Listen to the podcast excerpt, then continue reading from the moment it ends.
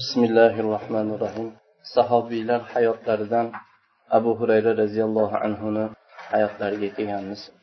Abu hurayra roziyallohu anhu islom ummatiga bir ming olti yuzdan ko'ra ko'proq hadisni rasululloh sollallohu alayhi vasallamni hadislaridan shuncha hadisni yodlagan zotlardan. Shubhasiz porlagan yulduz rasululloh sollallohu alayhi vasallamni ashoblaridan bunday ulug' zotni bu ummatda har bir inson eshitgan taniymiz islom ummatida abu hurayra roziyallohu anhuni tanimagan kishi bo'lmasa kerak. Odamlar johiliyatda abu hurayra roziyallohu anhuni nomlarini abdushams deb chaqirishar edi. Abdushams degani quyosh bandasi. Alloh subhanava taolo abu hurayra roziyallohu anhuni islom bilan ikrom qilgan o'zini payg'ambari sollallohu alayhi vasallam bilan yo'liqishlik bilan olloh sharafli qilgan vaqtdan boshlab rasululloh sollallohu alayhi vasallam u kishiga qarab masmuk isming otingiz nima? deb so'radilar. U kishi abdushams degan edi rasululloh sollallohu alayhi vasallam bal abdurahmon dedilar. Balki seni oting abdurahmon dedilar. Shundan keyin bu zotning nomlari abdurahmon edi. Bu kishi ha ya rasululloh mening otim abdurahmon sizga ota onam fido bo'lsin dedilar. Ammo bu kishini abu hurayra deyilishi kunya deyiladi. Bu kunyaning sababi u kishi yoshliklarida kichkina bir mushukchalari bor edi. Hurayra herrunni tasqiri deyiladi mushukcha degani. Mushukcha shu kichkina bir ba'zi shevalarda pishak deyiladi. Shu pishakchasi mushukchasi bor edi. Uni o'ynab yurar edilar. Shunga u kishini tengqurlari sheriklari abu hurayra deb chaqirganlar. Ey mushukchaning otasi degan ma'noda. Uni yaxshi ko'rib o'ynab yurganlariga shunday kunyalik bo'lib qolganlar. Bu so'z keyin bu kunya e, shu yoyilib u kishini ismlaridan ham g'olib bo'lib ketgan. Abdurahmon deb tanilmaydi. U kishini abu hurayra roziyallohu anhu bu kishi rasululloh sollallohu alayhi vasallam bilan yaxshi bog'lanib aloqa bog'langandan keyin ko'pincha rasululloh sollallohu alayhi vasallam u kishini abu hir deb chaqirardilar. Ya'ni u kishini yaqin olib yaxshi ko'rib abu hir deb chaqirardilar. Shuning uchun abu hurayra roziyallohu anhu abu hirni abu hurayradan afzal ko'rardilar. Aytardilarki bu meni habibim rasululloh sollallohu alayhi vasallam bu abu hir deb chaqirganlar. Ya'ni abu hir deyilishi hurayra mushukchani urg'ochisi kichkina. Abu hir erkagi. Ozgina bir hurmatga o'xshash ehtirom qilgandek abu hir deb chaqirardilar. Abu hurayra roziyallohu anhu ulug' sahobiy tufayl ibn amr davsiy roziyallohu anhuni qo'llarida u kishini da'vatlari bilan islomni qabul qilganlar. Va o'zlarini qavmlari yerida davs yerida to hijratdan keyin oltinchi hijriy yilgacha o'sha yerda qoldilar. Keyin o'zlarini qavmlaridan bir jamoa bilan rasululloh sollallohu alayhi vasallamga shu oltinchi yilda madinaga keyin hijrat qilib bordilar. Oltinchi yilda. Undan keyin risolatdan to'rt yil qoladi. Rasululloh sollallohu alayhi vasallam hijratdan keyin madinada o'n yil turdilar o'n yildan keyin vafot etdi. Bu kishi oltinchi yilda bordilar oltinchi yildan keyin rasululloh sollallohu alayhi vasallamni vafotlarigacha bu yerda turdilar. Va ashoblar ichida ko'p hadis yodlaganlardan bittasi abu hurayra roziyallohu anhu bo'ldilar ya'ni qisqa birga bo'lishliklariga qaramasdan shuncha ko'p hadisni yodladilar. Bu darslik yigit abu hurayra roziyallohu anhu rasululloh sollallohu alayhi vasallamni xizmatlariga bog'lanib rasul sollallohu alayhi vasallamni suhbatlariga uzilgandan boshlab masjidni o'zlariga uy qilib oldi. Yashaydigan joylari masjid edi. Payg'ambar sollallohu alayhi vasallamni o'zlariga imom muallim ustoz qilib oldilar. Nabiy sollallohu alayhi vasallamni hayotlarida abu hurayrani ayollari farzand bola chaqalari yo'q edi.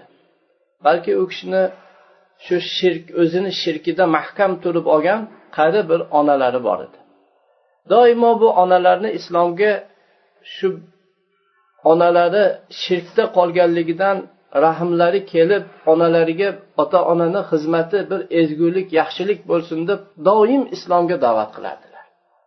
Onalari bo'lsa islomdan nafratlanib doim to'sqinlik qilar edi onalarini tark qilib u kishi shunday g'am u kishini qalblarini qamrab olib yurardilar. Bir kuni ollohga ollohni rasuliga iymon keltirishga yana onalarini da'vat qildilar. Shunda onalari rasululloh sollallohu alayhi vasallam haqlarida u kishini juda qattiq g'amga solgan u kishini qattiq bir musibatga solgan qiynagan bir so'zni onalari gapirib qo'ydi. Payg'ambar sallallohu alayhi vasallam haqlarida bir og'ir gapni gapirdi u kishi bundan juda qattiq deydi va bu kishi qattiq g'amgin bo'ldi. Keyin yig'lab rasululloh sollallohu alayhi vasallamga qarab ketdi u kishi. Payg'ambar sallallohu alayhi vasallamni oldilariga borganda ma yubkika ya abu hurayra? Nimaga yig'layapsiz ey abu hurayra? deb so'radilar. Aytdilarki men onamni doim islomga da'vat qilishlikda doim bo'lar edim onam qabul qilmas edilar. Bugun yana u kishini da'vat qilgan edim. Sizni haqqingizda bir qattiq yomon gapni menga eshittirdi. Yomon gapni gapirib qo'ydi dedi. Shundan yig'ladim dedilar. Alloh azza va jallaga onam haqida yana abu hurayraning onasini qalbini islomga moyil qilishligini duo qiling dedilar. Rasululloh sollallohu alayhi vasallam abu hurayra roziyallohu anhuning onalari haqqiga duo qildilar. Abu hurayra roziyallohu anhu o'zlari rivoyat qilib aytadilarki men shoshilib uyga qaytib ketdim. Borsam eshik bekitib qo'yilgan ekan suvni shaldirashi eshitilar edi men kirishga qasd qilgan edim onam uzoq tur dedi. Ey abu hurayra uzoqroq tur dedi. Keyin u kishi yuvinib kiyimlarini kiyib endi kiraver dedi. Keyin kirdim. Kirsam onam ashhadu an la ilaha illalloh va ashhadu anna muhammadan abduhu va rasuluh deb turar edilar guvohlik berdilar. Ya'ni ollohdan boshqa haq ma'bud yo'q va guvohlik beramanki muhammad sollallohu alayhi vasallam ollohni payg'ambari bandasi va ollohni elchisi payg'ambari deb kishi shahodat keltirdilar. Shunda rasululloh sollallohu alayhi vasallamga qaytdi. Endi men bir ozgina ilgari shunday g'amdan u kishini so'zlaridan qattiq bir mashaqqat chekkanimdan yig'lab borgan edim. Endi quvonchdan yig'lab borar edim. Aytdimki ya rasululloh xursand bo'ling. Alloh subhanava taolo sizni duoyingizni ijobat qildi va abu hurayrani onasini olloh islomga hidoyat qildi dedi deb rivoyat qiladilar. Abu hurayra roziyallohu anhu rasululloh sollallohu alayhi vasallamni shunday qattiq bir muhabbat bilan yaxshi ko'rdilar. Butun vujudlariga o'rnashgan muhabbat bilan yaxshi ko'rdilar. Rasululloh sollallohu alayhi vasallamga qarashdan to'ymas edilar. U kishi rivoyat qilib aytadilarki men rasululloh sollallohu alayhi vasallamdan ko'ra porloqroq nurliroq rasululloh sollallohu alayhi vasallamdan ko'ra chiroyliroq bir narsani ko'rmaganman. Shunday chiroyli nurlik nurlik edilar deydi. Hatto quyosh u kishini yuzida chiqayotgandek shunday nurlik shunday chiroyli edilar. Abu hurayra roziyallohu anhu alloh subhanava taolo o'zini payg'ambari bilan hamsuhbat bo'lib sahoba bo'lishlik ne'matini berganligiga va ollohni diniga ergashishlik ne'matini minnat qilganligiga doim allohga hamd aytar edilar. Aytardilarki alhamdulillahi hada aba hurayrata lil islam abu hurayrani islomga hidoyat qilgan ollohga hamd bo'lsin. Abu hurayraga qur'onni ta'lim bergan ollohga hamd bo'lsin. Abu hurayrani rasululloh sollallohu alayhi vasallamga sahobiy qilgan rasul sollallohu alayhi vasallamni suhbatlari bilan minnat qilgan allohga hamd bo'lsin deb hamd aytadilar. Abu hurayra roziyallohu anhu rasululloh sollallohu alayhi vasallamga shunday qattiq bog'langanlari kabi yaxshi ko'rganlari kabi u kishi ilmga ham qattiq qiziqqan edilar. Va ilmni o'zlarini har kunlik odatlari va o'zlarini orzu qilgan maqsadlari g'oyalari ilm qilib olgan edilar. Zayd ibn sobit roziyallohu anhu gapirib aytadilarki men abu hurayra yana bir sherigimiz masjidda olloh subhanava taologa duo qilib ollohni eslab zikr qilib o'tirgan edik. Rasululloh sollallohu alayhi vasallam kelib qoldilar. To'g'ri biz tarafga qarab kelib bizni oramizga u kishi ham o'tirdilar biz jim bo'ldik. Ham bu duolarimizdan zikrimizdan jim bo'luvdik. Rasululloh sollallohu alayhi vasallam qaytinglar yana davom ettiringlar dedilar. Shunda men va sherigim abu hurayradan oldin duo qildik. Rasululloh sollallohu alayhi vasallam bizni duolarimizga amin deb ollohdan so'rab ya'ni amin deb turardilar. Keyin abu hurayra duo qildi. U kishi duo qilib aytdiki yo olloh men bu ikkita sherigim so'ragan narsalarni hammasini sendan so'rayman va sendan unutilmaydigan ilm so'rayman deb duo qildilar. Rasululloh sollallohu alayhi vasallam u kishini duolariga ham amin dedilar. Shunda biz shoshib aytdikki biz ham ollohdan unutilmaydigan ilm so'raymiz dedik. Rasululloh sollallohu alayhi vasallam endi bu davslik yigit o'zib ketdi olib ketdi deb qo'ydilar. Abu hurayra roziyallohu anhu ilmni o'zlariga yaxshi ko'rganlaridek boshqalarga ham ilmni yaxshi ko'rgan edilar. Bu boshqalarga ham bu ilmni ravo ko'rganliklaridan bir kun madina bozoridan o'tib ketib turib odamlarni dunyo bilan qattiq mashg'ul bo'lib turganini va oldi sotdi olish berish bilan mashg'ul bo'lib turganliklarini ko'rib ularni oldilariga borib to'xtadilar. Aytdilarki ey ahli madina sizlar qanday ham ojiz sizlar dedilar. Shunda ular odamlar qarab ey abu hurayra bizni qanday ojizligimizni ko'ryapsiz? Nima ojizligimiz bor? dedilar. Abu hurayra roziyallohu anhu rasululloh sollallohu alayhi vasallamni meroslari taqsim qilinyapti. Sizlar bu yerda mahrum bo'lib turibsizlar dedilar.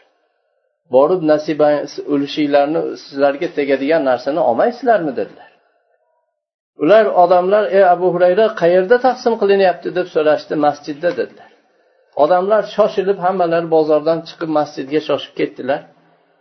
Abu hurayra shu yerda to'xtab turdilar. Ular qaytib keldilar.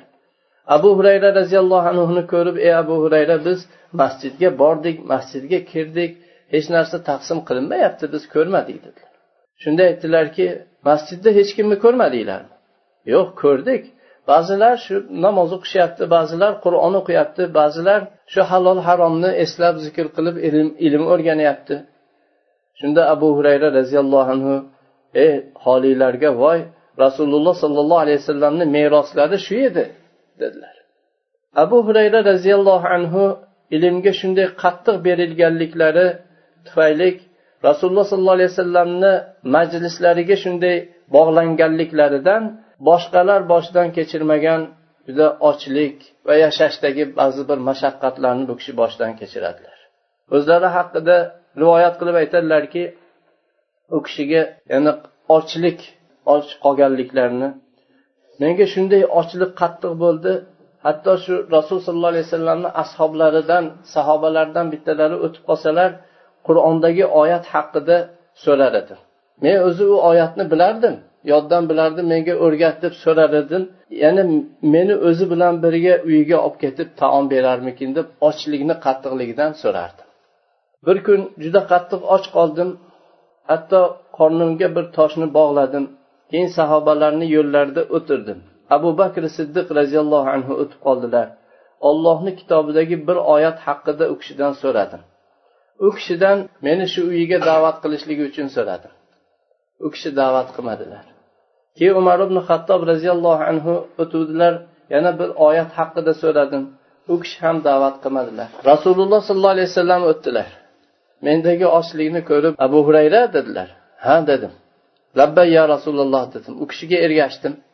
U kishi bilan uylariga kirdim. U yerda rasululloh sollallohu alayhi vasallam bir qadahni topdilar. Bor edi uylarida bir idish unda sut bor edi. Ahllaridan bu qayerdan keldi? dedilar. Falonchi sizga yuboribdi deb javob berishdi. Aytdilarki abu hurayra siz masjidga boring ahli suffani ularni chaqirib keling dedilar. Ahli suffani chaqirib kelishlikka meni yuborishlari menga juda yomon bo'ldi. Men o'zimcha aytardimki bu bir kichik idishdagi qadahdagi sut. Ahli sufa buni nima qilardi deb o'zimcha gapirib ketdim. Men ozgina shundan bir qultum ichsamu sal o'zimga bir quvvat bo'lishligini yaxshi ko'rar edim. Keyin ularni oldilariga bordim. Ahli supani da'vat qildim ular keldilar. Hammalari kelib rasululloh sollallohu alayhi vasallam oldilarida o'tiruvdilar. Ey abu hurayra u sutni olib ularga bering dedilar. Men shu bir kishi bir kishi qilib berar edim. Hatto ular ichib qonar edi. Bu sutdan qonar edi. Ya'ni chanqoqlari qolar edi qorinlari to'yar edi. Hatto hammalari ichdilar. Keyin qadahni rasululloh sollallohu alayhi vasallamga berdim. Rasululloh sollallohu alayhi vasallam boshlarini tabassum qilib menga ko'tarib sen va men qoldik ikkalamiz qoldik dedilar. Ha yo rasululloh ikkalamiz qoldik dedi sen ich dedilar. Men ichdim yana ich ich dedilar. Ichdim. Rasululloh sollallohu alayhi vasallam ich ich deb aytishda davom etdilar. Men ichar edim keyin aytdimki sizni haq bilan yuborgan zotga qasamki bu joy qolmadi endi dedi ya'ni to'ydim dedim. Shunda idishni oldilarida qolganini rasululloh sollallohu alayhi vasallam ichdilar bunga uzoq zamon o'tmadi. Musulmonlarga dunyo musulmonlarda ko'paydi. Ularda fath o'ljalar g'animatlar nihoyatda to'kin sochin bo'ldi. Abu hurayrani mol dunyolari uylari matolari ayollari farzand bolalari bo'ldi. Lekin bularni hammasi abu hurayrani bunday ulug' nafslarini o'zgartirolmadi u kishi o'zini o'tmishdagi kunlarini o'tgan kunlarini esdan chiqarmasdi. Doim aytar ediki men yetim bo'lib o'sdim. Miskin faqir hech narsasiz hijrat qilib keldim. Men busra binti g'azvonni mardikori edim xizmatchisi edim. Shu qornim to'yishiga xizmat xizmat qilar edim. Men bu qavm bilan chiqar edim. Bir yerga borib tushsalar ularga xizmat qilar edim markablarga bu ulovlariga minsalar ulovlarni tezlab haydab borar edim. Alloh taolo meni bu ayolga uylantirdi. Dinni mana shunday yo'l qilgan abu hurayrani bunday bosh qilgan allohga hamd bo'lsin dedilar. Abu hurayra roziyallohu anhu muoviyat ibn abu sufyon roziyallohu anhu taraflaridan bir necha marta shu madinaga voliy qilinganlar. Bu viloyat madinaning amiri boshlig'i bo'lishlik u kishini tabiatidan u kishini tabiatidagi bu saxovatdan va u kishini faqir yashashidan hech bir narsani o'zgartira olmadi. Madina yo'llarini birida ketardilar. O'zlari shu madinani eng katta boshlig'i. Shu yo'lda ketar edilar ustilariga shu oilalariga bir o'tin ko'tarib olib o'tin olib ketayotgan edilar. Keyin salabatul molikni oldilaridan o'tib qoldilar. Aytdilarki yabna malik ey salaba dedilar amirga yo'lni bo'shat dedilar. Aytdilarki ollohni rahmati bo'lsin shuncha joyga sig'maysizmi dedi. Yo'lni amirga ham bo'shat ustida ko'tarib ketayotgan o'tiniga ham yo'l bo'shat deb o'tib ketdilar. Abu hurayra roziyallohu anhu u kishi bunday ilmini nihoyatda komil ko'p olim katta ilmli kishi bo'lishligiga qaramasdan nafsi shunday taqvolik shunday bir xudojo'y ollohdan qo'rqqan bo'lishligi bilan birga u kishi doim kunduzlari ro'za edi. Kechani uchdan birida qiyomda namoz bilan o'tkazar edilar. Kechani avvalgi uchdan birida o'zlari uxlamasdan namoz o'qir edilar. Keyin ayollarini uyg'otardilar ikkinchi uchdan birida ayollari namoz o'qir edi. Keyin ayollari qizlarini uyg'otib qo'yardi. U oxirgi uchdan birida qizlari o'qir edi. Mana shunday qilib kechasi davomida abu hurayra roziyallohu anhuni xonadonlarida ibodat uzilmas edi. Bir qora tanli xizmatkor qizlari bor edi. Bu qiz juda beodoblik qildi. Ularga aziyat berdi shunday. Abu hurayra roziyallohu anhuni ahillariga g'am berdi. Aytganini qilmadi shunda qamchini olib bu qizni uraman deb qamchini ko'tardilar keyin to'xtadilar.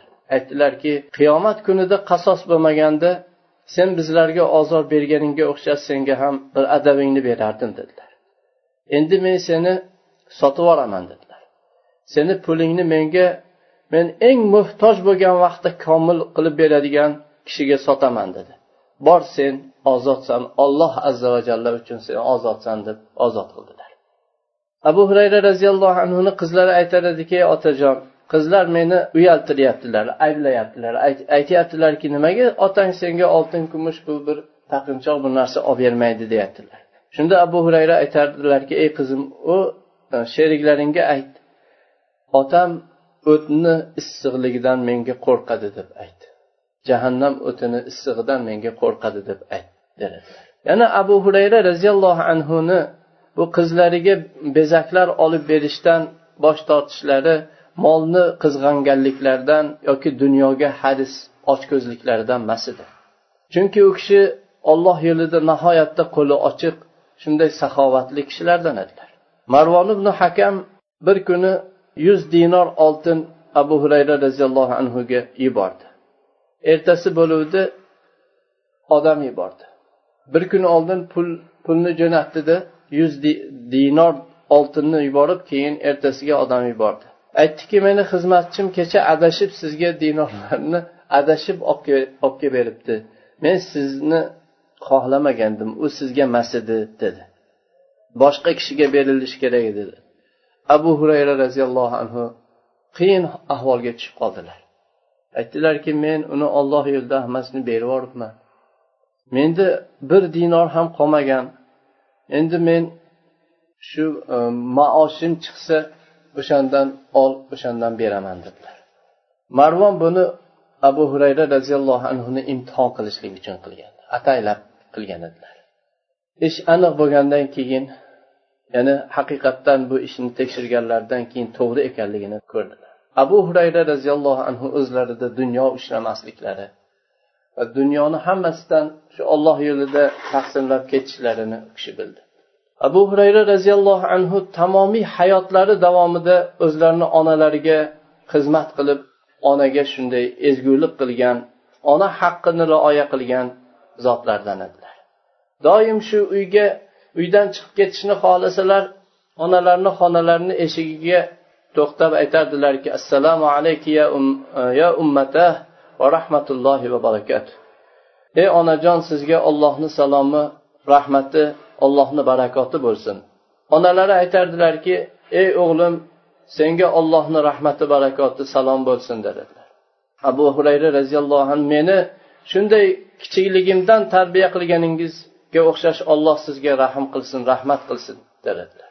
Onalari shu katta bo'lganimda menga shunday xizmat qilganingdek alloh taolo senga rahmat qilsin deb onalari aytadilar keyin uylariga qaytganlarida ham xuddi shunday salom va mana shunday rahmat so'rashlik bo'lar edi abu hurayra roziyallohu anhu odamlarni ota onalariga ezgulik qilib ota onasiga xizmat qilishlikka chaqirishlikka eng haris kishilardan edilar. Qarindoshlar bilan yaxshi bog'lanishlikka odamlarni ko'p da'vat qilar edilar. Bir kuni ikki kishini ko'rib qoldilar bittasi sal yoshi kattaroq edi. Ikkalasi birga ketishar edi. Shunda bu yoshrog'iga aytdilarki bu odam sizga kim bo'ladi? dedi. U yoshi kattarog'ini ko'rsatib bu kishi sizga kim bo'ladi dedi. Bu kishi aytdiki meni otam bo'ladilar. Keyin abu hurayra aytdilarki unda otangizni nomi bilan hech nomini aytmang nomi bilan chaqirmang. Otangizni oldida yurmang otangdan oldin o'tirmang shunday nasihat qildilar. Abu hurayra roziyallohu anhu o'lim to'shagida yotganlarida yig'lardilar. U kishini ziyoratiga borganlar ey abu hurayra siz nimaga yig'laysiz? Abu hurayra roziyallohu anhu aytardilarki men sizlarni bu dunyoyingiz uchun yig'layotganim yo'q. Lekin men safarni uzoqligidanu bu safarga olingan oziqani ozligidan yig'layapman dedilar. Men bir yo'lni oxirida turibman. Yo meni jannatga yo jahannamga olib boradigan yo'l. Men bilmayman qaysi birida bo'laman. Shunga yig'layapman dedilar. Marvon ibn hakam abu hurayrani ziyorat qilgani bordi. Keyin u kishiga aytdiki ey abu hurayra sizga olloh shifo bersin dedi. Abu hurayra roziyallohu anhu yo olloh men senga yo'liqishlikni yaxshi ko'raman. Men ham sen ham menga yo'liqishlikni yaxshi ko'rgin va buni menga tez qilgin naqd qilgin deb duo qildilar. Va marvon shu joylaridan turib ketmasdan keyin jonlari chiqib hayotdan ko'z yumdilar. Alloh taolo abu hurayra roziyallohu anhuni keng rahmati bilan o'zini rahmatiga olsin u kishi musulmonlarga bir ming olti yuz to'qqizta hadis rasul sollallohu alayhi vasallamni hadislarini yodlagan zotlardan alloh taolo islomdan musulmonlardan yaxshilik bilan mukofotlasin ربنا اغفر لنا ولإخواننا الذين سبقونا بالإيمان ولا تجعل في قلوبنا غلا للذين آمنوا إنك أنت الغفور الرحيم سبحانك اللهم وبحمدك أشهد أن لا إله إلا أنت أستغفرك وأتوب إليك والسلام عليكم ورحمة الله وبركاته.